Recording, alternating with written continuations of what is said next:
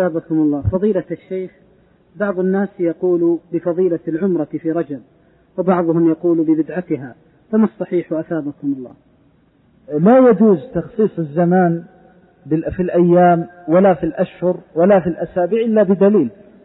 وليس هناك دليل يدل على فضل عبادة معينة في رجب وقد بين هذا أئمة الإسلام مشايخ الإسلام رحمهم الله وأنه لم يصح عن رسول الله صلى الله عليه وسلم دليل صحيح يدل على تخصيص رجب بعبادة سواء كانت قولية أو كانت فعلية قولية مثل الأذكار وما يوضع من الموالد ومن الأذكار الخاصة في رجب أو آه، كانت من العبادات القولية بالأذكار كأن يتحرى ختم القرآن في رجب أو يتحرى أجزاء معينة.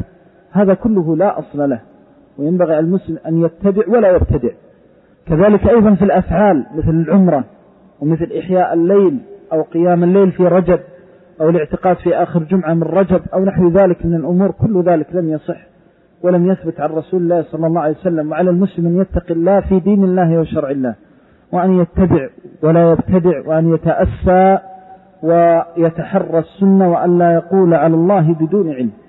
فإن الإنسان إذا اعتقد في زمان أو مكان وتعلم الغير منه باء بإثمه أن لا يجوز للإنسان يحدث في دين الله وشرع الله ما ليس منه.